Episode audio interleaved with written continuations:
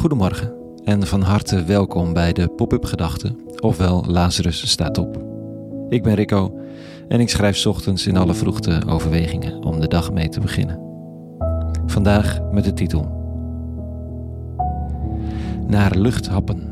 Pop-up Gedachten vrijdag 28 januari 2022. Ik krijg het al benauwd bij die woorden, hè? Naar luchthappen. Zo'n vis op het droge die wild zoekt naar een manier om die waterloze omgeving te overleven.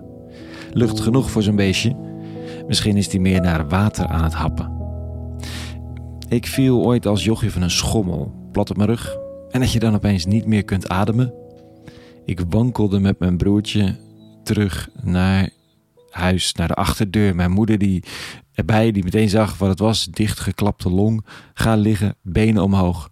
Langzaam stroomde er weer wat lucht in dat vat in mijn borstkas. Nou, geen pretje, dat kan ik je wel zeggen. Happen naar lucht. Ik moet eraan denken als ik lees hoe de dichter van de psalm vanochtend naar lucht hapt. Het voelt een beetje als die dichtgeklapte long van toen. Hij schrijft: Maak mij weer ontvankelijk voor blijde klanken. Geef mijn gekastijde lichaam nieuwe levensmoed. Wend uw ogen af van mijn gebreken. Scheld mij al mijn schulden kwijt. Geef me lucht. Want ik kan de schoonheid van de muziek niet meer verdragen. Ik loop krom en de maagzweer en de hoofdpijn willen mij niet weg. Ik zie alleen maar waar ik faal en ik kan er niet van wegkijken.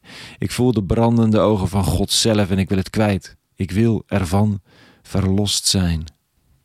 Het is een van die psalmen met een vrij concrete context. De grote koning David heeft zich vergrepen aan de vrouw van een ander, Bathseba. Zij werd zwanger. Hij heeft haar man van een slagveld laten halen, er was een oorlog aan de gang, en geprobeerd hem met zijn vrouw te laten slapen. Dan kon hij nog denken dat het van hem was. Maar hij ging niet met zijn vrouw naar bed, terwijl de anderen nog vol in de strijd waren. Toen liet David de man terugkeren, liet hem opstellen op een gevaarlijke plek en vervolgens moest de bevelhebber hem de rugdekking ontnemen, zodat de vijand hem zou uitschakelen. En zo geschiedde. End of story. Tenminste. Dan is er nog altijd Tim Hofman. In dit geval in de figuur van Nathan de profeet, die hem komt aanklagen, want God is boos. In de geschiedenis al die eeuwen is dit verhaal bewaard van de grote koning David, die een kortzichtig, achterbaks, verraderlijk mannetje was. Soms. De voorvader van Jezus van Nazareth. En die na de aanklacht van de profeet Tim Hofman van de Letteren door de grond gaat. Willen we dit wel weten? Ik bedoel, het is oog voor, voor de dader, hè? in plaats van voor de slachtoffer. Er zou oog voor Batseba moeten zijn. En toch, na al die eeuwen ook de man David zien en hem herkennen. Misschien niet in de grootsheid van zijn misdrijf, maar in zijn wroeging moet het niet altijd moeilijk zijn. Het gevoel dat je zo vast zit. Door falen of door knulligheid of gewoon door het leven zelf. Zo vast dat de muziek niet meer helpt. Dat het lijf dienst weigert. En je hoopt dat de brandende ogen van je falen kunnen wegkijken. Op de een of andere manier dat je op de een of andere manier de schuld die je hebt en die je een miljoen keer erkent, want het vreet je op dat die kwijtgescholden kan worden.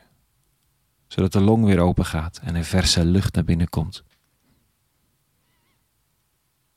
Ik, ben zelf lang niet altijd bereid om verder te kijken dan mijn oordeel naar een ander. Ik weet niet of ik me realiseer hoe het lucht bij die ander ontneemt. Hoe leren we de omvang van het falen te onderkennen en de mens te zien? Ik weet het niet zo goed. Blijkbaar niet bij de Voice. Gaat ook niet zo goed bij de VVD. Als je je straf hebt uitgezeten. Die je dan nu toch weer kwetsbaar maakt voor een aanval van Geert Wilders. En waarvan je vervolgens in steek wordt gelaten. De worsteling van David, de worsteling uit de oude teksten, is een worsteling van ons allemaal. Waar kan ik met mijn schuld heen? Hoe vind ik lucht als ik niet het gevoel heb dat ik die verdiend heb? Die momenten doen zich voor in elk leven.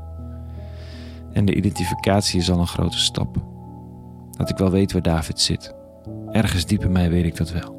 Daarvoor zijn de verhalen geschreven, juist over de grootste van de koningen. Het gevecht om lucht is al zo oudste mens. En het is er, die zuurstof. Maar dan moet je wel dwars doorheen. Tot zover vanochtend. Een heel goede vrijdag gewenst vandaag. En vrede. En alle goeds.